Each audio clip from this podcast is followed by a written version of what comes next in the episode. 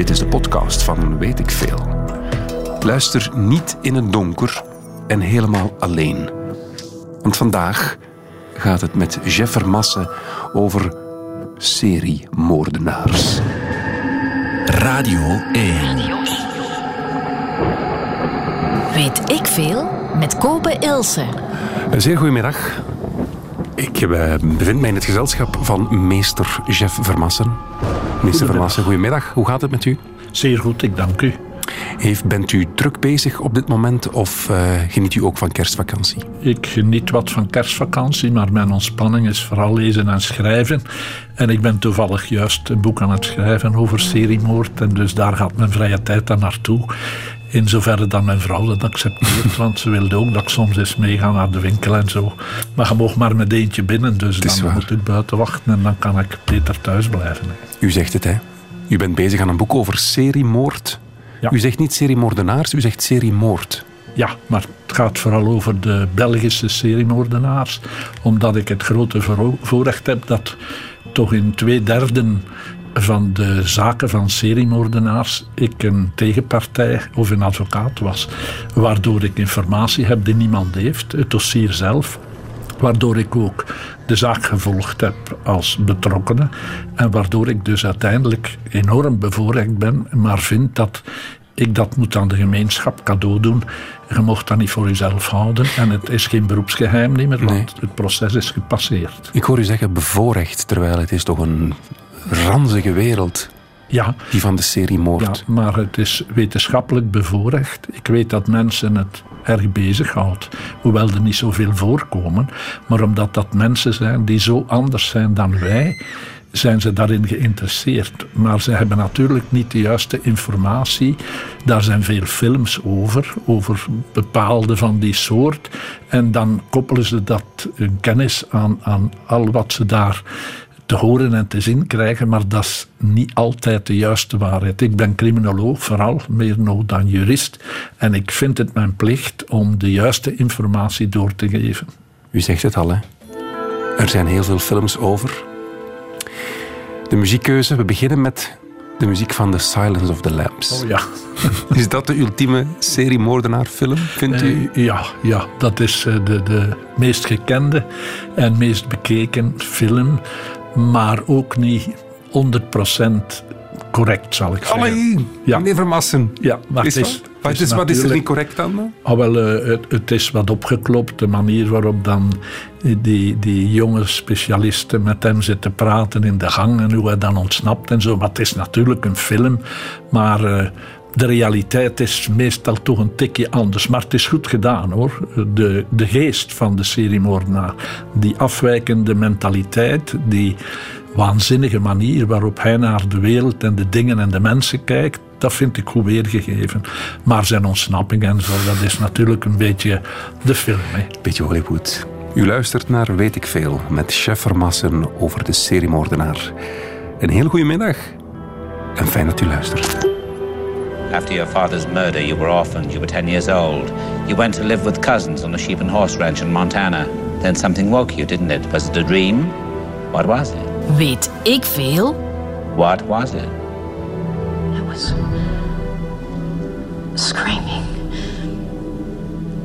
Some kind of screaming, like a child's voice.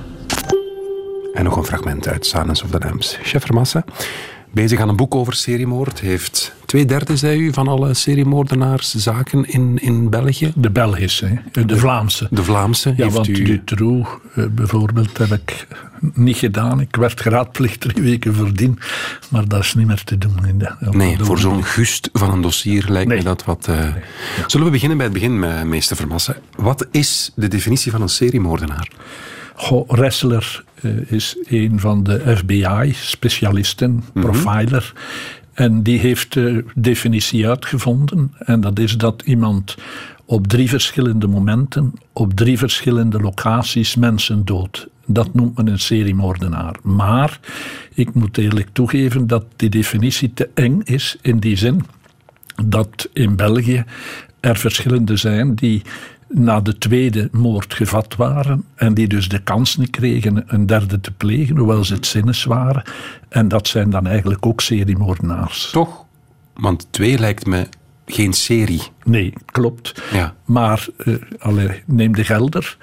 Op het ogenblik dat men hem aanhoudt, heeft hij een individuele moord gepleegd en heeft hij een massamoord gepleegd. Dat is dus een, een weinig voorkomende combinatie van een seriemoordenaar en een massamoordenaar. Voor alle duidelijkheid, Kim de Gelder, sorry dat ik onderbreek, Kim de Gelder heeft dat kinderdagteverblijf ja, binnengedrongen. Ja, ja, in Dendermonde. Maar dus Kim de Gelder, die was al van plan van nog uh, verdere moorden te plegen. Die had hij allemaal al voorbereid. De volgende zou op een geneesheer geweest zijn. En hij ging eindigen met de koning. Zo had hij zich het voorgenomen. En dus hij ging altijd moeilijkere opdrachten voor zichzelf uitvoeren. Maar dus had hij de kans gekregen. Dan had hij nog x aantal moorden gepleegd. Die zaten in de pijplijn. Maar heeft ze niet kunnen plegen. In mhm. mijn ogen is dat dan wel een seriemoordenaar, omdat hij voor hij de derde kans kreeg, gevat is, die hij anders zou benut hebben. Waarom moorden seriemoordenaars? Is het dat voor de kick? Is dat gewoon een soort, een soort vlucht van een realiteit? Vervelen die zich? Wat is dikwijls de trigger? Ja, wel, eh, u heeft al een paar aspecten genoemd. Het zijn bijna altijd psychopaten. En een psychopaat verveelt zich vlug. Dus dat is een mhm. aspect dat meespeelt. Maar hetgeen vooral meespeelt is macht. Uh, veel meer nog dan seks. Uh, bijvoorbeeld de Gelder daar was geen seks mee gemoeid. Maar de meeste, zeker in Amerika, die hebben een seksueel motief. Die gaan vooral martelen, doden. Maar het is op de eerste plaats macht hebben en genieten van de machteloosheid van het slachtoffer. Dus uh, een soort wraak op de samenleving, dat speelt altijd mee. Mhm. En het zijn mensen die inderdaad soms vluchtverveling kennen en die een kick willen. En de kick is het doden, maar het is niet altijd de hoofdkick. De hoofdkick is soms iets anders, eh, waarbij ze vooral genieten van het sterven en het zien sterven van een slachtoffer. Dat dat hen plezier gunt. sadisme komt er heel vaak bij. Dus er zijn verschillende motieven. Het zijn soms krankzinnige motieven, zoals iemand die in Amerika een kind doodt dat op zijn moeder haar arm zit om te wachten op de bus en een kindje aan haar hand. En die man doodt alleen het kleine meisje op de arm. En als men hem nadien vraagt, waarom doe je dat? Ik wil iets doen aan de overbevolking, zegt hij. Dus dat is pure waanzin natuurlijk. Mhm. Maar er zijn dus motieven die eigenaardig overkomen, maar, maar die er zijn. Eh, bijvoorbeeld in Amerika eh, is er een man die eh, zeer goed aangezien was in zijn dorp. En die dan een vliegtuigje had. En die dan vooral prostituees meenam naar een eiland waar niemand was. En dan moesten die weglopen. En eigenlijk was hij zogezegd een jager. Ze moesten zich omkleden, naakt weglopen en dan schoot hij hem dood. Tot op een ogenblik dat er een dame was die zegt, ja, ik ga niet lopen, ik weet dat ik moet sterven, schiet mij zomaar dood. Ah, maar dat gaat niet, zegt hij, je moet weglopen. Maar ik wil niet weglopen. Stap dan maar weer in mijn vliegtuig, gaan we terug naar huis. En zij is dat dan gaan aangeven. En men heeft daar zelfs niet geloofd, omdat men dacht, dat is een lichte kooi, want zo'n vooraanstaande man zwart maken, dat doe je niet. En het is maar een tijd later dat men ontdekt heeft dat hij dus eigenlijk altijd maar jonge dames ging doden wanneer hij ze op zijn eiland kon laten vluchten. En ze schieten zoals een jager naar een haas of een, of een bijvoorbeeld. Mm Laten we even beginnen bij het begin ook weer. Wat is de allereerste seriemoordenaar? Jack the Ripper wordt gezegd. Ja, wordt gezegd, maar dat is hij niet. Maar nee, er zijn er al in de Romeinse tijd, waren er ook al die verschillende mensen gedood hadden. Maar Jack the Ripper is de eerste moderne seriemoordenaar. Hoewel hij eigenlijk maar vijf dames gedood heeft in een zeer korte periode. In twee maanden en een half, van 31 augustus tot de 9 november van 1888, mhm. heeft hij in Engeland, in East End, eh, dat is Whitechapel, heeft hij vijf vrouwen gedood. Maar men weet niet wie hij is. Men zoekt er nog altijd naar. Daar is zelfs een tijdschrift van sympathisanten die willen weten wie hij is. Ah, we weten nog altijd niet wie het nee, is. Nee, voor een paar jaar was er een tentoonstelling in Londen. Ik ben daar op uitnodiging van een krant naartoe gegaan om een verslag van te maken. Ja? En dat ging daarover. Men denkt Het is een chirurg of het is een beenhouwer. Eh, men denkt van alles. Maar men heeft hem niet. Hij heeft maar een korte periode zijn activiteiten kunnen ontplooien. Hij is het type van de niet georganiseerde, brutale, impulsieve doder. Niet georganiseerd wil zeggen de occasie doet zich voor en daar pikt hij op in. Terwijl veel seriemoordenaars bereiden het perfect voor. Ah, ja. en, en dat zijn de georganiseerde, zijn ook de gevaarlijkste. Deze man die, die komt een vrouw tegen, dat was dan natuurlijk in de hoerenbuurt, waar hij ze dan doodt, waar hij ze opensnijdt, waar hij de baarmoeder wegplukt, waar hij de darmen rond een stoel gaat eh, broderen. Dus een heel brutale, brutale seriemoordenaar. De meeste waren op straat gedood, tot hij dan bij een prostituee naar kamertje terecht kwam. En daar heeft hij dan rustig zijn werk kunnen doen. En dan zie je het resultaat. Alles is opengereten. En... eh, hij is dan de man die zou een brief gestuurd hebben, maar zelfs daar twijfelt men aan, naar de politie. Ik zal het even letterlijk zeggen. Ik heb de schurft aan hoeren. Ik zal ze blijven opensnijden tot ik erbij neerval. Ik houd van mijn werk en wil ermee doorgaan. Is het van hem? Men weet het niet zeker. Maar dat was ondertekend met de naam Jack the Ripper.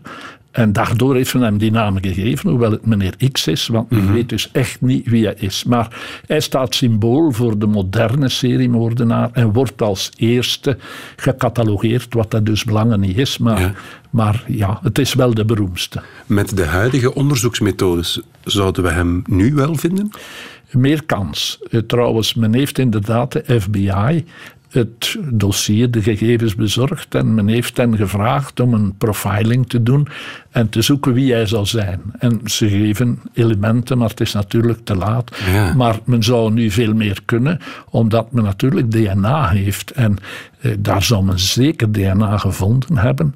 Maar dan is nog de vraag of hij zou in de computer zitten van diegenen die DNA hebben moeten geven, omdat ze vroeger een misdrijven gepleegd hebben. Ja. Ja, maar eh, nu zou men zeker een profiling doen en men zou dus eh, via profielstudie het type mens eh, in kaart brengen. Ook omdat men, het is op een kleine locatie gebeurd. Eh, de- Whitechapel is niet zo groot, dus hij moet daar in de buurt gewoond hebben. En men zou dus veel meer de richting kunnen uitgaan van eh, het is die man Ja, ja, in ja, die buurt met dat profiel. Dat zou nuttig geweest zijn. Maar toen had men dat allemaal niet natuurlijk. 1888, dat is lang geleden. You know, if I wanted to kill somebody, I'd take this book and beat you to death with it, and I wouldn't feel a thing. It'd be just like walking to the drugstore. Believe me, if I started murdering people, there'd be none of you left. Je hoorde Charles Manson. Ook zo'n, mag ik het zeggen, bijna posterboy van de seriemoordenaars. Ja, dat klopt. Dat was natuurlijk een, een grote pervert. Leider van een groepje, een, een secte. En die het dan gemunt had op rijke mensen. En eh, vandaar dat zij dan ook de grote actrice gedood hebben. En wat heel typisch is, eh, hun haat moest geuit worden. En dus met het bloed van de slachtoffers schreven ze dan woorden op de muur. Eh, bijvoorbeeld varkens. Eh, dat is de tekst die men teruggevonden heeft. Ja. Eh, maar dat is een gruwel van een man. die dan ook niet bekende. En die uiteindelijk in de gevangenis is terechtgekomen. samen met nog enkele leden van zijn bende. Maar dat vind je niet zo vaak. Dat is dat benden gaan optreden als seriemoordenaars. Normaal zijn het individuen. Af en toe is een koppel, Bonnie en Clyde bijvoorbeeld, maar Ah, ja. het zijn meestal individuen. Bonnie en Clyde zijn, waren seriemoordenaars. Ik dacht dat Ja. meer bankovervallen was. Ja, nogal romantisch ideaal zo. ja, Hè? ja, men heeft ze geromanceerd. Hè. Maar dat heeft men met nog mensen gedaan. Hè. Robin Hoods gemaakt eh, van sommige typen. Ja, ja, ja, ja. ja. Ehm, Rosette van Elderen vraagt, stuurt een vraag door. Zijn er ook vrouwelijke seriemoordenaars? Jawel, maar zoals altijd veel minder dan mannen. Ik heb 17 jaar studie gedaan naar alle moorden in Vlaanderen en Brussel. Ik heb er 1200 en zoveel ontleed. En daar ook zag ik dat maar 1 op de 10 van de moordenaars zijn vrouwen. En dat 1 is op de 10? 1 op de 10, ja. En hoe verklaart u dat? Eh, vrouwen zijn minder fysiek agressief, want als zij moorden zal het bijna altijd met gif zijn. Ja, bijna, ja, ik heb eh, drie weken geleden nog een moordzaak gepleit ik voor het slachtoffer Ja, in Brugge. En die dame heeft daar jongetje van acht eh, doen eter drinken, eh, dus ook gif. En dus dat is typisch vrouwelijk. Mannen gaan agressiever te werk. Vrouwen doen het op een, ik zal niet zeggen zachtaardere, maar minder brutale manier. Ja. En wat is dan, want je zei daarnet al, seriemoordenaars, mannelijke hebben dikwijls ook een seksuele drift, Ja. een seksuele Ja. ja, focus. Ja. Is dat dan bij vrouwen ook zo, of is dat heel anders? Nee, bij vrouwen is het vooral een financieel argument, waarbij ze dan mannen uitnodigen om bij hen te komen wonen. En ze dan eh, maken dat ze hun bezittingen afgeven, dat ze een huwelijkscontract maken, dat ze alles meebrengen wat ze hebben. En als het goed in handen is, dan worden zij geliquideerd. Meneer Vermassen, ik heb net mijn vriendin ten huwelijk gevraagd. ik begin met zorgen te maken. Dat is prima, dat is Ja, prima. ja. Maar ja, seriemoordenaars zijn niet zoals u en ik, dus Nee. maak u geen zorgen. Eh, Iemand dooddoen is niet zo eenvoudig. Men denkt dat dat simpel is, maar dat is het niet. Om die grens te overstijgen, vandaar dat de kans dat wij iemand dooddoen bijzonder beperkt is. Het kan in een ruzie vooral tussen partners. Dus als u ruzie zou hebben met uw vriendin ooit, loop even buiten, maar s'nachts mogen niet meer buiten nu. Hè. Dus is blok je om, want dat is goed om te bekommen. En de ruzie te laten overgaan en die op tijd blokkeren. Heeft u schrik dat zo'n lockdown die lang zou kunnen duren, of langer zou kunnen duren dan, dan gepland of dan wij verwachten, dat dat triggers geeft bij seriemoordenaars? Van ja, echt uit pure verveling of uit frustratie, zou dat kunnen? Het zal eerder bij partnerdoders zijn. Ah ja. Ja, omdat partnerdoders, eh, die maken ruzie, die horen niet meer bij elkaar en toch blijven ze nog bij elkaar. En dan ontploft het. En eh, het is vooral in een ruzie, want onze scherpste wapens zijn onze woorden. Terwijl een seriemoordenaar heeft geen goede periode nu, want de mensen mogen niet buiten. Ah ja, En eh, dat is niet ideaal om dan als seriemoordenaar op pad te gaan. Je wordt gemakkelijker gezien, gemakkelijker ontcijferd. Hoewel je hebt de masker op, dat is dan wel een voordeel. Maar voor het overige is dat niet de ideale periode om, om als seriemoordenaar actief te zijn. Wie vond u in uw ondertussen lange carrière, wat vond u het gruwelijkste? Dat u als, welke confrontatie met een seriemoordenaar vond u het, het, gruwelijkste? Zal u altijd bijblijven? Eh, ja, ik denk bijvoorbeeld eh Ed Kemper. Dat was eh, een, een, een, een die zich, dat is dan over sluwheid, hè, die zich zo integreerde bij de politie dat hij ging pintjes drinken recht over het politiekantoor, waar hij dan met de politie in Santa Cruz contacten had. En op die manier kon eh, meezoeken naar zichzelf. Eh, zo langs zijn neus wegvragen, "Ah, hoe zit het nu met die seriemoordenaar die hier Jan Santa Cruz onveilig maakt? En hij kreeg informatie en die ging zodanig ver dat hij uiteindelijk een relatie kreeg met het hoofd van de politie die naar hem op zoek was. En hij mocht daar zelfs aan huis gaan en gaan eten. Ah, Qua, dus geen, niet de gruwelijkheid, maar de sluwheid. Ja. Als je natuurlijk naar eh, de andere sluwen, Ted Bundy, zeer gekend, rechten gestudeerd, en dan zijn arm in gaas leggen en doen alsof hij een, een gebroken arm had. En dan vrouwen die passeerden vragen om te helpen van zijn boot op zijn gestolen auto te leggen. En dan, ik zal u wegvoeren om u te danken, maar dat is dan een, een rit naar de dood. Dat is ook zo'n sluwert. Als je dan kijkt naar Albert Fish bijvoorbeeld, dat is een homo en pedofiel, ook een kannibaal. En die heeft dan de lef om, als hij kinderen ontvoert, vermoord, verkracht, naar de ouders te bellen en dan te zeggen dat het goed gesmaakt heeft. Want dat was, Alsjeblieft. het was een extreme kannibaal. Dat is natuurlijk ook wel gruwelijk. Jeffrey Dahmer is ook zo'n exemplaar. Was geen gewone jongen. Eh, die heeft eh, uiteindelijk ver- 17 mannen gedood. En eh, ja, die, die had zelfs de lef van een slachtoffer, homo's, die hij dan naar zijn woning lokte, van dat slachtoffer een, een gat in zijn hoofd te boren. En daar, wanneer dat gelukt was, vandaar dan zijn gevaarlijk product in te gieten, zoutzuur.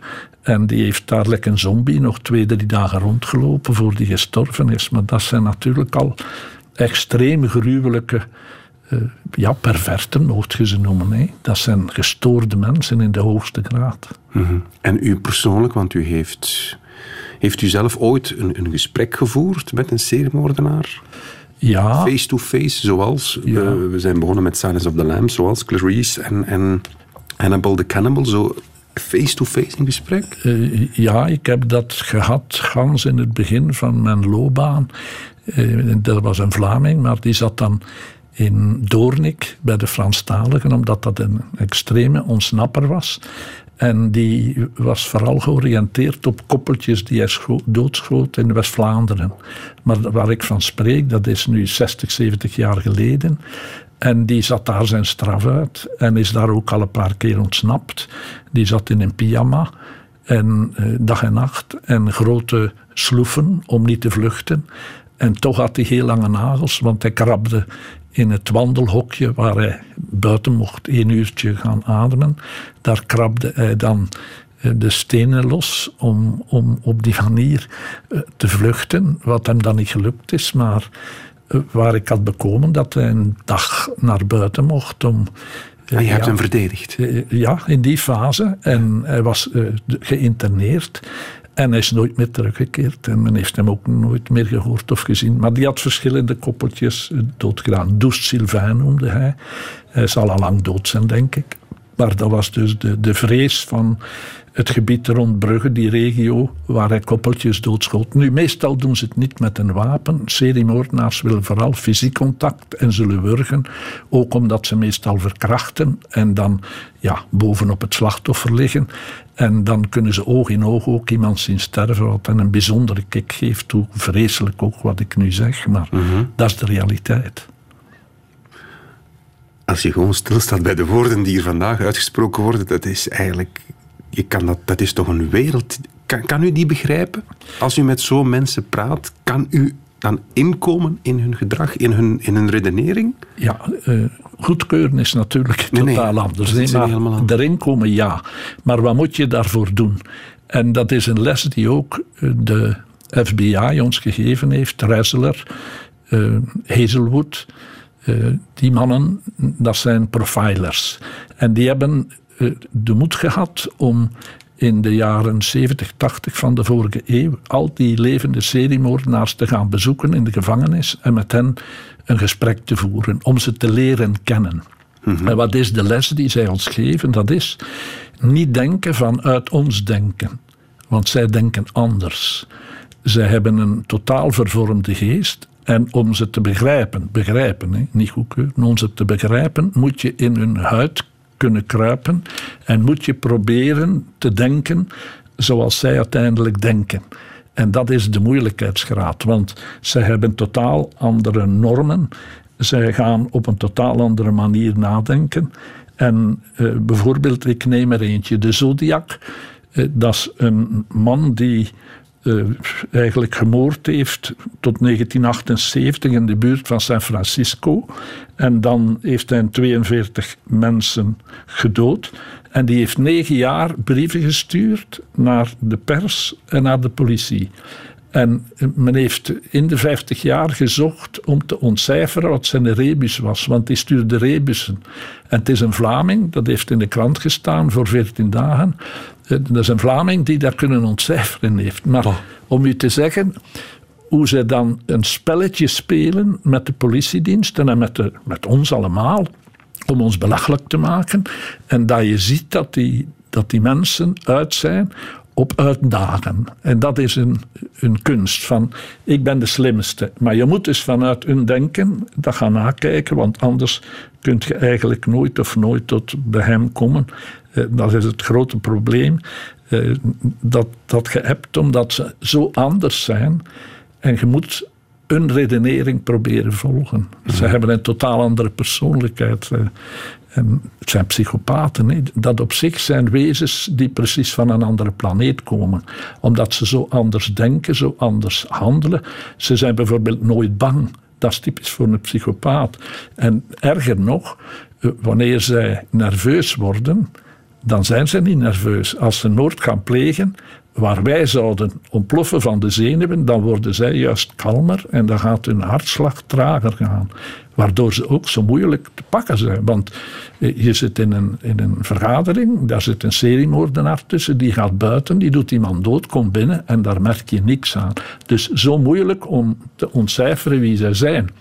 En ze hebben soms ook een, een, een, totaal dubbele persoonlijkheid en schijnpersoonlijkheid, zoals de man in Amerika, die de sympathieke man van het dorp was, die ieder jaar een barbecue gaf voor de mensen van het dorp.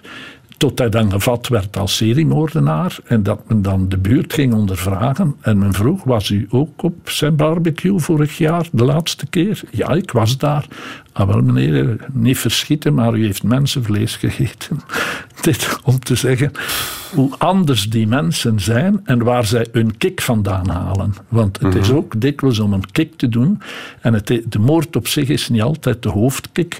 Het is heel dikwijls anders. Bijvoorbeeld Charles Davis, dat was een ambulancier. En wat was zijn grote kick? Mensen dood doen ze laten liggen langs de snelweg in het gebied waar hij werkzaam was, dan heel vlug naar zijn werk rijden en ondertussen bellen dat er een lijk gevonden werd langs de autostrade. En dan kon hij nog met zijn ambulance daar naartoe rijden en de kick was zijn eigen slachtoffer gaan oppikken in zijn dienstwagen. Zie je, maar daarvoor moet je dus gestoord iemand zijn. En wij kunnen daar niet bij dat dat, dat u een kick geeft. Maar dus dat is het wat ik bedoel met in hun huid kruipen en vanuit hun denken hen proberen te verstaan. Want zijn gestoorde mensen, mag je niet vergeten. In Duitsland heeft een verpleger toegegeven dat hij zo'n 100 mensen heeft vermoord. De man is drie jaar geleden al tot levenslang veroordeeld voor de moord op zes patiënten. Nu is het proces begonnen over de 97 andere moorden. De verpleger injecteerde zijn patiënten met een overdosis medicijnen. Daarna probeerde hij hen te reanimeren, zodat het leek alsof hij hen redde. Als hij schuldig bevonden wordt, is hij de grootste Duitse seriemoordenaar na de oorlog. Weet ik veel. Bij mij zit chef Vermassen. Beste chef, zullen wij ook eens aan profiling doen? Ja, oké. Wat is de huidskleur van de gemiddelde seriemoordenaar? Blank. Ja? Ja, het merendeel is blank. Er zijn ook zwarte. Maar eh, nog altijd in hoofdzaak in Amerika zijn het blanken. Hoe verklaar je dat?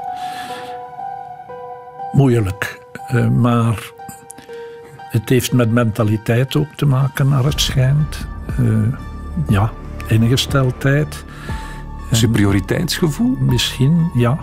Ik vind het heel moeilijk daarop te antwoorden, omdat men van alle theorieën lanceert en dat men het soms niet kan vragen. Ofwel vindt men ze niet, ofwel zijn ze al geëxecuteerd. Mhm. Maar het zijn in hoofdzaak blanken. Hoe oud zijn ze? Oh, dat is gemiddeld tussen 20 en 30. Zo jong? Ja, dan beginnen ze. Maar ja, sommigen gaan hun leven lang door en uh, worden nooit gevat. Uh, zodanig uh, ja, dat ze soms een, een, hele periode van hun leven slachtoffers maken. Denk aan Landru. Dat is Blauwbaard noemt men hem in Frankrijk. We zijn dan de periode 1917 had hij een villa in Cambrai. Hij heeft dan toch een negental vrouwen, geloof ik, daar naartoe gelokt of naartoe gebracht. Die rijk waren en waren dan mee trouwd. En dan verdwijnen ze plots. En uh, zijn oventje staat in een museum in Parijs, waarin hij ze allemaal verbrandde. En uh, hij heeft nooit bekend. Uh, dat is heel typisch. Wanneer hij dan naar de guillotine wordt geleid, vraagt zijn advocaat van kijk, ik heb je nu toch goed verdedigd, doe me nu plezier Ja. en zeg het mij. Waarop hij zegt, nee, dat is mijn bagage, die neem ik mee naar de overkant. En men heeft dan vele jaren later, nadat hij al lang geëxecuteerd was in 1921, is hij veroordeeld. Op 25 minuten had de jury haar oordeel gevestigd en in 1922 is hij geëxecuteerd. En dan heeft men nu, eh, onlangs, 50 jaar later, heeft men dan toch eh, tussen documenten van hem die hij in de cel had een bekentenis gevonden. Toch? Ja, toch. Van welke sociale klasse zijn ze? Waar zoeken we? Is het de, de, de middenklasse? Het is vooral middenklasse, lagere klasse, maar waarom? Daar zijn er ook meer van. Ah ja. Maar men, men vindt ze ook in de hogere klasse. zeker. Maar bijvoorbeeld Dr. Chipman in Engeland. eh, dat is een man die zelf beweerd heeft dat hij 508 patiënten gedood heeft. Eh, daar juist was u erover bezig, hè, over de medische moordenaar. Ja. En eh, de man heeft dan zelfmoord gepleegd in zijn cel in 2004. Maar men heeft een studie daar rond gedaan en een verslag gemaakt van eh, op dat ogenblik het Engelse Hooggerechtshof. En daar zegt men dat hij in 27 jaar tijd een 250 patiënten heeft eh, gedood. Eh, vooral s'avonds, als ze dacht, oh, die gaan mij vannacht lastigvallen. En dan moet ik weer opstaan, ik zal ze beter doodspuiten. En hij was overtuigd dat hij een goede daad stelde, omdat hij die mensen uit hun lijden verloste. We hebben het ook hier in Vlaanderen gehad. Een, een zuster, kloosterzuster, die dan geïnterneerd is eh, in kwaadrecht, maar dat is ook al 40 jaar, 45 jaar geleden. Ja, en wat deed Die ze? ook eh, de patiënten doodspoot. Het is meestal eh, met de spuit. Dan hebben we hier ook een verpleger gehad die dan voor assise gekomen is. En veroordeeld ook omdat hij zijn patiënten doodde. Maar dat zijn dan al meer mensen die gestudeerd hebben. Maar eh, er zijn ook natuurlijk... simpele mensen bij. En wat je ook bijvoorbeeld vindt, dat zijn mensen die beschermd zijn, zoals Chikatilo eh, in Oekraïne. Maar die was lid van de partij. Eh, ja, hij was dus bij de elite, waardoor op een bepaald moment men zijn tas onderzoekt en men een koord vindt waarmee hij kinderen wurgde. Maar omdat hij lid was van de partij, dus van de betere klasse, he- heeft men hem laten lopen en heeft hij uiteindelijk in gans zijn leven eh, zeker 52 mensen vermoord, waarvoor hij veroordeeld is. Dat was in 92 en hij is dan geëxecuteerd in 94. Maar dat was dus de betere klasse. Maar als je dan Jack the Ripper ziet, men weet het niet. Is hij een chirurg? Is hij Een arbeider of een- of ja, er werkloze, dat weet je ja, niet. je weet het niet. Is de gemiddelde seriemoordenaar al gevat of niet? Er zijn er, de meeste worden gevat. Toch? Ja, maar er blijven er toch rondlopen. En die men nooit weet. Bijvoorbeeld de Zodiac is nooit gevat. Eh, er zijn er genoeg die niet gevat zijn. Maar de meeste, zeker de laatste jaren, worden gevat. Maar ondanks het feit dat men het wetenschappelijk bekijkt. Bijvoorbeeld eh, in Washington had men de sniper. Uiteindelijk Ah ja, waren- die uit ja. hotelkamers eh, mensen doodschoten. Of nee, dat was Las Nee, Vegas. was aan Nee. Juist, en aan scholen. Ja, ja, ja. ja. En dus die werd geholpen door zijn neef. En daar had men dan ook grote profilingstudies gemaakt. Maar uiteindelijk is het een burger die vanuit zijn vrachtwagen kijkt en die twee ziet liggen slapen in hun wagen en dat aan de politie meldt en zo zijn die gevat. Dus het is niet altijd op basis van wetenschappelijke doorgronding van de persoonlijkheid dat ze die vatten. Maar natuurlijk, het helpt wel omdat veel profilingstudies inderdaad terecht raak zijn en aangeven eh, wat voor type moordenaar het zou zijn. Dus we zijn onze profiling bezig. Hè? Een blanke man tussen de 20 en de 30. De, de klasse, toch eerder middenklasse. Ja. Niet, echt een marginaliteit. Eigenlijk Nee. wel. Ja. ehm, ze zijn al gevat, normaal gezien. Ja. Het is een man. Hè? Ja. 9 op de 10 hebben we al geleerd. Man. Slim of dom? Goh, er zijn heel slimme bij, maar er zijn ook domme bij. De domme zijn natuurlijk de niet georganiseerde. De slimme zijn mannen zoals, laat mij eens denken, eh, Ed Kemper, die dus uiteindelijk eh, bij die politiemannen thuis ja, ja, was. heb je verteld, en die had een IQ van meer dan 140. Dat is onvoorstelbaar. Hè? Ed eh, Kemper was zo een. Ted Bundy, rechten gestudeerd, dus geen dommerik. Ik zal niet zeggen dat een genie was, maar zeer sluw. En eh, wat ze wel hebben is, is eh, een doorzicht, psychologisch inzicht. Bijvoorbeeld de grote kick van een Ted Bundy was...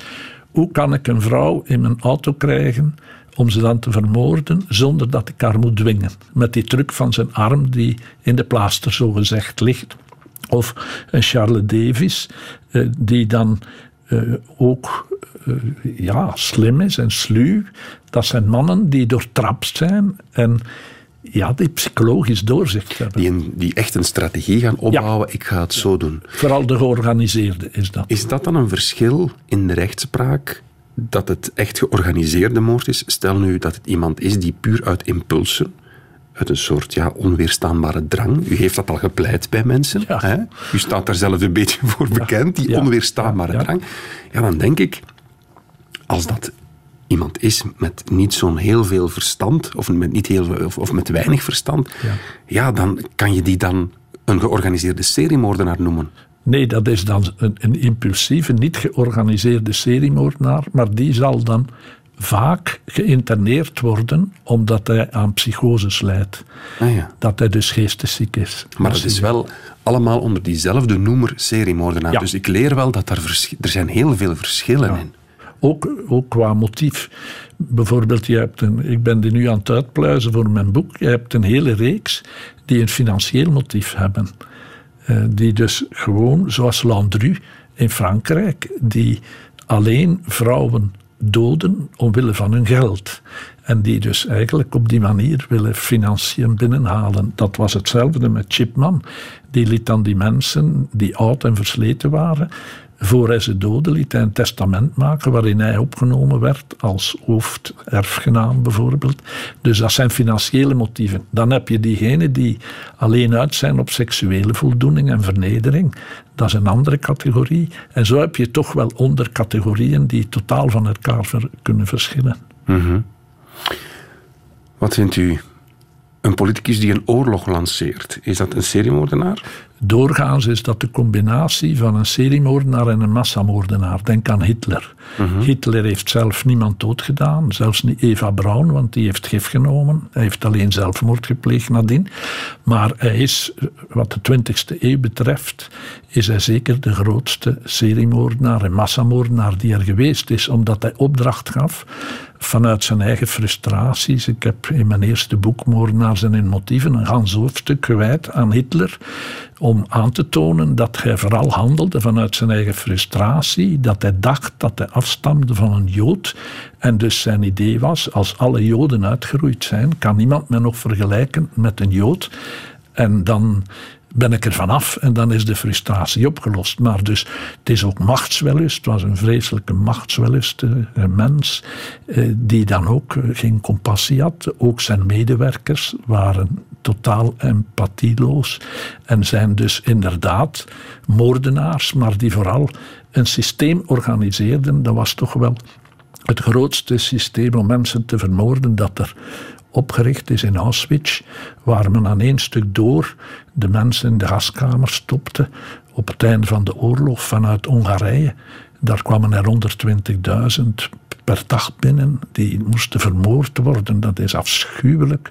Mm. Uh, dat 12.000, geen 112.000 per dag, die moesten vermoord worden. En dat was binnenkomen, onmiddellijk de gaskamer in. En de volgende groep, dat was werkelijk routinewerk. Maar op een, een gruwelijkheid en een mensenwaardigheid die niet voor mogelijk geacht wordt voor ons normale mensen. Mhm. U staat al jaren in, in die wereld met uw twee voeten. U bent nu onderzoek aan het doen voor dat boek over seriemoordenaars. Wat heeft u al geleerd van die mensen?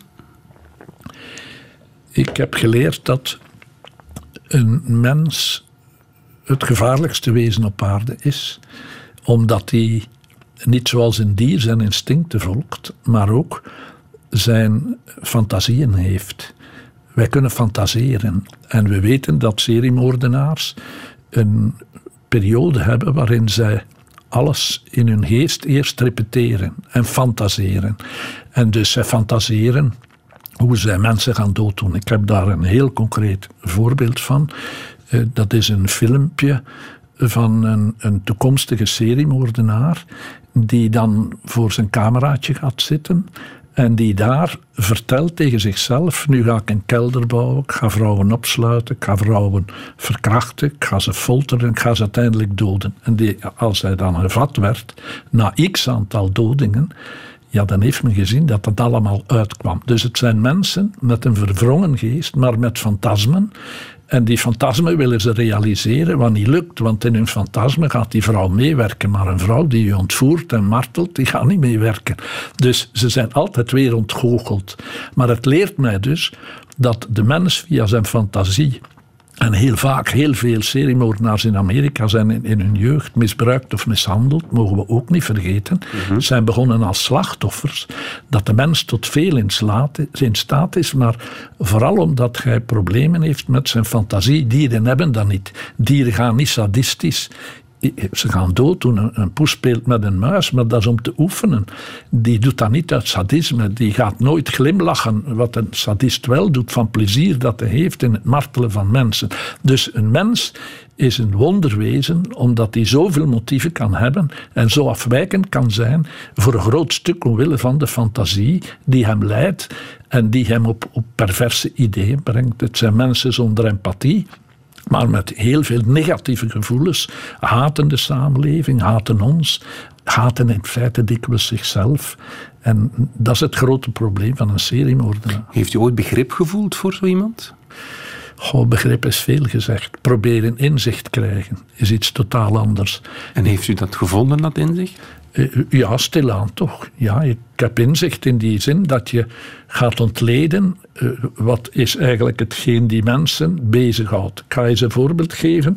Peter Kurten, dat is de vampier van Düsseldorf. Die man heeft uiteindelijk heel veel mensen gedood en moest dan sterven onder de guillotine. En wat zegt hij op uh, het einde van zijn leven tegen de psychiater? Goh, zegt hij, ik zie daar zo naar uit. Want als mijn hoofd van mijn lichaam gescheiden wordt, ga ik dan toch nog hopelijk via mijn hals mijn bloedoren stromen. Want dat zal me een ongelooflijke kick geven, zegt hij. Dat zou eigenlijk het genot zijn dat een einde maakt aan alle genot van mijn leven. Daar kun je toch geen begrip voor hebben. Maar je kunt inzicht krijgen. En je voelt dus dat is een man die geobsedeerd is door bloed. Mm -hmm. mocht daar kunnen mee gesproken hebben, maar dat kon niet trouwens. De tijd, het is van voor mijn tijd, zal ik zeggen. Maar wat zouden we van hem kunnen leren? Dat hij misschien in zijn jeugd bloedsinvloeien heeft. Want sommigen die een executie zien, gaan dan nadien zelf gaan moorden. De mhm. moordenaar van Lincoln is zo iemand, omdat ze dat niet kunnen verwerken. Er zijn zoveel motieven die een mens aandrijven en je kunt inzicht krijgen. Maar motieven zijn belangrijk en mhm. daarover gaat het. Beste Jeff Vermassen, we moeten afronden, jammer genoeg. Mag ik u ongelooflijk danken voor uw uh, intrigerend intrigerende uitleg over de seriemoordenaar. Het boek, daar plakt nog geen datum op. Dat zien we wel verschijnen. Succes daarmee. Nog een uh, fijn einde jaar. En ja. tot de volgende keer. Voor u ook. Radio 1. Weet ik veel? Dit is het einde van deze podcast van Weet ik veel. Weet ik veel is trouwens een programma van Radio 1. Op radio1.be vindt u nog veel meer.